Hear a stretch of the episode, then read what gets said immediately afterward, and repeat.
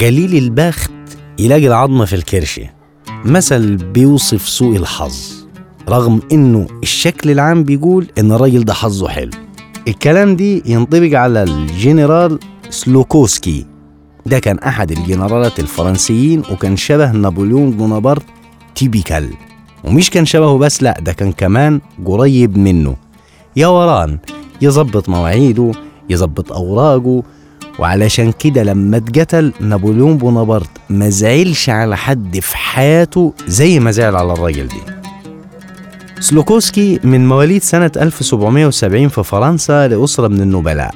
اتربى في قصر واحد من عمامه حصل على تعليم في اللغات والتاريخ العسكري وجات سنة 1786 وانضم للجيش البولندي. وشارك في الحرب الروسية البولندية سنة 1792 في ليتوانيا. بعد كده أعلن ولاءه للثورة الفرنسية سنة 1793 واتجوز من بنت أحد المستشرقين اسمه جان ميشيل ديفينشار.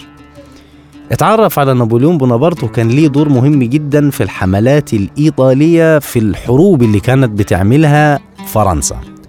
بين شجاعة في معركة لودي في إيطاليا يوم 10 مايو سنة 1796 بين الفرنسيين بقيادة نابليون بونابرت وبين النمساويين بقيادة كارل فيليب وكان هيموت في المعركة دي. بلاد الشرق كانت بتستهوي الفرنسيين وكان نابليون بونابرت عاوز يضرب إنجلترا في مستعمراتها في الهند وده ما كانش هيحصل إلا لما يدخل مصر. فوصلها يوم 1 يوليو سنة 1798 عن طريق الإسكندرية ومعاه الجنرال سولوسكي. الحملة الفرنسية اتقابلت بمقاومة بشتى الأشكال من كل الأطياف في المجتمع المصري.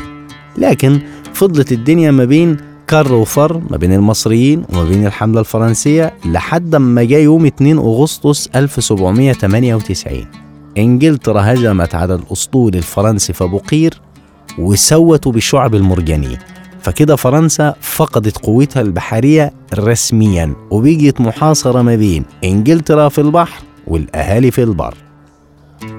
قررت الحملة الفرنسية إنها تفرض ضرائب. الضرائب وصلت لهدم البيوت.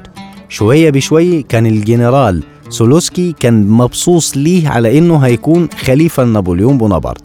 لما حصلت ثورة القاهرة الأولى قرر نابليون بونابرت إنه يقمعها فضربها بالمدافع وقتل الناس أشد قتلا. كان وقتها صاحبه سلوسكي في الصالحية في الشرقية علشان خاطر يخمد ثورات المصريين هناك. يوم 21 أكتوبر سنة 1798 وهو كان بيخمد المقاومة في الشرقية ورجع لمصر الأهالي عرفوا إنه ده هيكون خليفة نابليون في مصر. قرروا إنهم يفتكوا بيه ولو لسه فيه الروح يرموا جسمه لكلاب باب النصر عشان تاكله. وده اللي حصل. الغريب كان في تكريم الراجل ده عن طريق نابليون. أوغسطين دانيال بليارد قال إنه نابليون بونابرت إمعانا في الانتقام من الأهالي اللي قتلوا أعز الناس ليه في الحملة الفرنسية قرر إنه يخلي اسم أحد المساجد اللي موجود في منطقة الظاهر وهو جامع الظاهر بيبرس يكون اسمه على اسم صاحبه.